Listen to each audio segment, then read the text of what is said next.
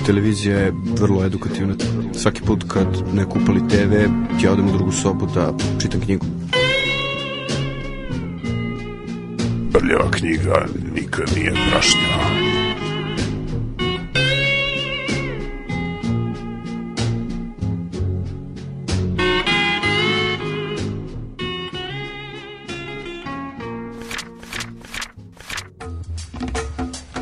A sada je vreme za redovnu rubriku jedan pisac, jedna knjiga i to ovoga puta neće biti Tomas Diš. Aha, mala promena, strateška ovaj, varka, koju smo zavarali, mislim, posetioce našeg sajta. Tako dakle, tako dakle, ovaj put, ovaj put biće, doći će i Tomas Diš na red, ali e, ovaj, ovaj put, mislim, zove njegov malo stariji savremenih, e, nedavno preminuo, nažalost takođe, Tomas Diš je preminuo prošle godine, a pre dve godine 2007. godine preminuo je Kurt Vonnegut ili Kurt Vonnegut Jr. kako se ponekad potpisivao. I sad Kurt Vonnegut je bio ovako živa legenda kako bi se reklo, savremene književnosti po mnogo čemu, a po najviše po crnom humoru, pošto je čovjek bio apsolutno verovatno verovatno najveći majstor crnog humora u savremenoj književnosti, ono, nešto što je bio Jonathan Swift tamo u 18. veku, e, to je ovako Kurt Vonnegut bio za 20. vekovnu književnost. E, ono što je onako ga čini potpuno ovako ne, ne, ne standardnim jeste što kako sam kaže, dakle, mnogo je pisao i o sebi i o svojim ovako iskustvima. E, najinteresantnije, najbizarnije iskustvo koje ga neki način je uputilo ka pisanju je bio njegovo ratovanje tokom drugog svetskog rata. Naime, dakle, on je ovaj, bio u član ovaj, američkih ekspedicionih snaga u Evropi koji se iskrcao se na plaže u Normandiji u junu 44. godine i ratovao je neko vreme tu dok je u dok 14. decembra 44. godine nisu bio je izviđač e, iza neprijateljskih linija 14. decembra 44. godine bio je zarobljen e, od strane pripadnika jeli Wehrmachta i e, bio je smešten u zarobljenički logor u Drezdenu. Zarobljenički logor se nalazio u između, dakle u nedostatku prostora u nekakvoj napuštenoj hladnjači neke velike mesare ovaj, odnosno kasapnica odatle potekla naslov njegove, mislim zove možda najslavnije knjige, verovatno ne i najbolje, ali najslavnije u svakom slučaju, a to je Slaughterhouse 5, ovaj, odnosno, jeli, kako bi se moglo reći, klanica 5. E, zašto je to bilo zanimljivo? Zato što je on bio u Drezdenu, a u Drezdenu je bilo, kao što znamo, početkom februara 45. godine na najstrašnije bombardovanje u, u istoriji, verovatno.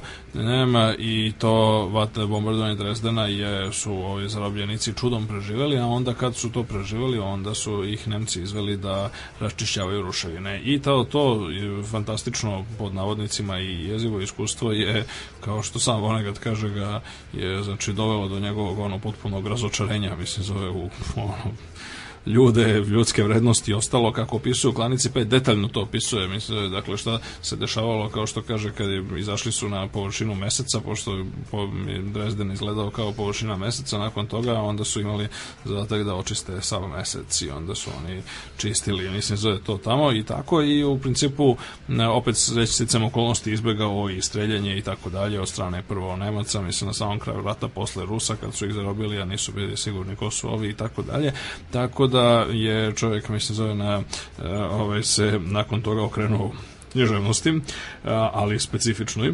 Dakle, i, e, iako je dobio neke ordenje posle rata i tome slično, ali to mu nije bilo bitno, nego je ono što jeste bilo bitno jeste da jedno vreme je studirao na univerzitetu u Čikagu i što najinteresantnije od svega, dakle, napisao je čovjek je diplomirao i napisao je čak i ovaj magistarsku tezu koja je bila odbijena i to sad ne bi bilo toliko mislim zove čudno mi samo po sebi mislim zove da e, se nije desilo nešto vrlo interesantno naime e, nekih dobrih 20 godina kasnije mislim da, je e, u znak priznanja za njegovo književno delo je e, Univerzitet u Čikagu rešio mislim zove da da mu ipak, da mu ipak ovaj dodeli zvanje magistra, znači 1971. godine i to na osnovu upravo romana o kojem ćemo govoriti, to je roman Kolevka za macu, odnosno Cat's Cradle, uh, koji je smatran u obrazloženju, eksplicitno kažu da on smatra, smatra da je to dovoljno veliki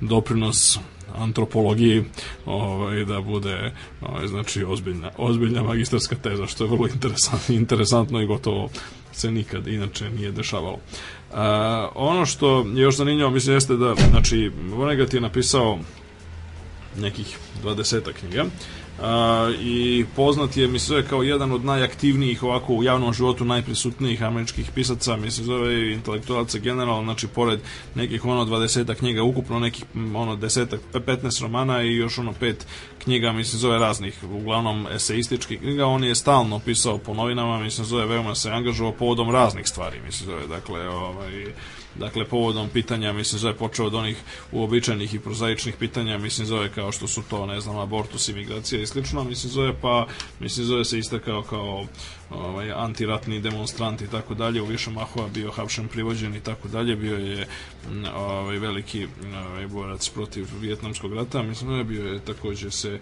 i angažovao demonstracijama protiv ovaj, predsednika Busha, mislim zove u povodu ovaj, rata u Iraku i slično, čak je mislim zove između ostal, među mnogim, među mnogim ovaj, njegovim izjavama kojima je namerno ovaj, u težio da ovako karikira stvari i da, i da napravi skandal, mislim zove izjavio je da je glavna razlika između Hitlera i Busha u tome što je Hitler bio pravedno izabran, aludirajući na ovaj, dešavanje oko izbora 2000. godine ovaj, na Floridi.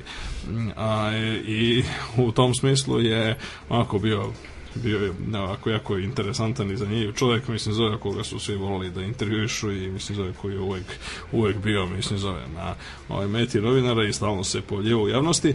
A, definisao samog sebe često kao jeli, slobodno mislioca, humanistu, agnostika. Ovaj, živeo je ovako, dakle, veoma, veoma je ovaj, dakle voleo životinje i davao je velike, velike, velike, velike priloge za razne akcije, mislim za očuvanje životinje, živog sveta i slično.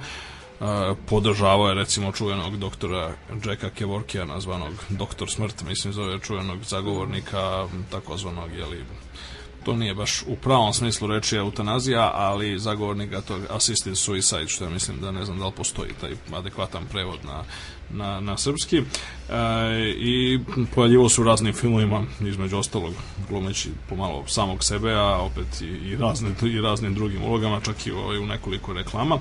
A, e, tako da je onako bio dosta prisutan i poznat u javnosti od njegovog književnog dela znači najpoznatije pored Klanica 5 koja je ono, najpoznatiji njegov roman, taj takođe Koleka za macu, koji ćemo reći nešto sirene sa Titana, svirač, mehanički, svirač klavira ili kako se to kod nas prevedeno mehanički pijanino, mislim zove što možda i bolji prevod zaista nego, ne, nego original, doručak sa šampionima i mnogi drugi, mislim, njegovi romani, on je između ostalog, između ostalog sam je davao ocene, mislim, zove pred kraj života je u, ovaj, u jednom jednom intervju, mislim zove sam davao ocene ono A, e, A, A minus B, C, D i tako dalje svojim ovim romanima, tako da jedina dva koja su dobila ocenu A plus su mislim zove ono Klanica 5 i Kolevka za macu.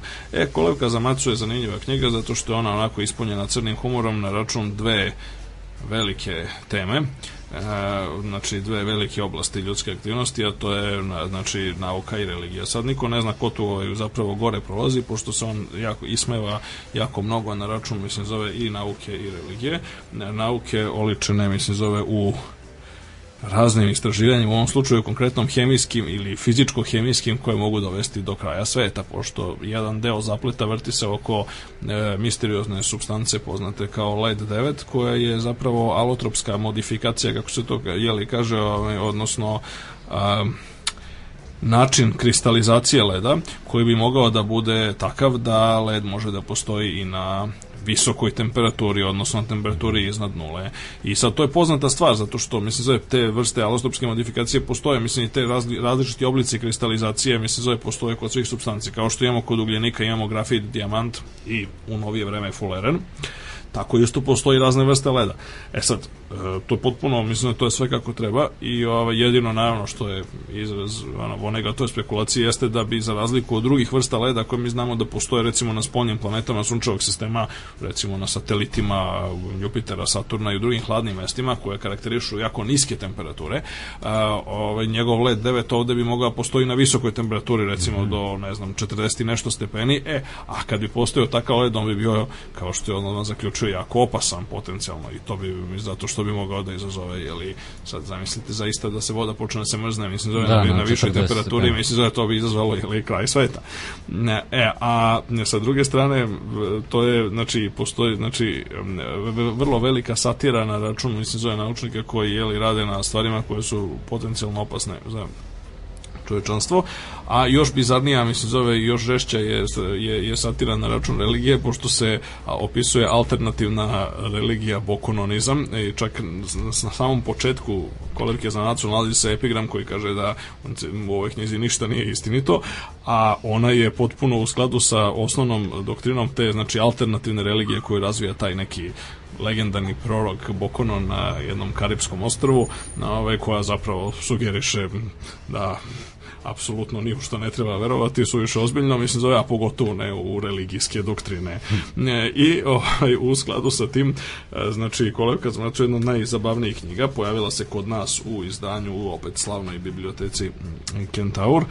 Uh, ona originalno je napisana 1963. godine i izdanje ovo mm, znači u koje je pod uredništvom Ivana Lalića je 1978. E, i ova knjiga je E, dakle, za divno čuda, evo sad kad čovjek pogleda te stare impresume, mislim, zove može da vidi razne zanimljive i čudne stvari, između ostalog da je ova, da je ova knjiga, znači, jedan Kurt Vonnegut, jedna ovako legenda ove ovaj, svetske književnosti, mogao da bude, mislim, zove još ne tako, ne toliko davno, izdat kod nas u 8000 primjeraka, što je potpuno nedostižan da, da. tiraž za bilo koja da, da, današnja, današnja izdanja. Danas smo Da, dobro, kao... to je podrazumevalo i Jugoslaviju, ali pa jeste, jedno. Da. Pa, ali eto, umeđu vremenu prošlo nešto dosta vremena i tako razvile se i nove tehnike izdavaštva, imamo i digitalnu štampu i sve ostalo, ali ljudi ovaj očigledno I, i, nekako manje, manje čitaju.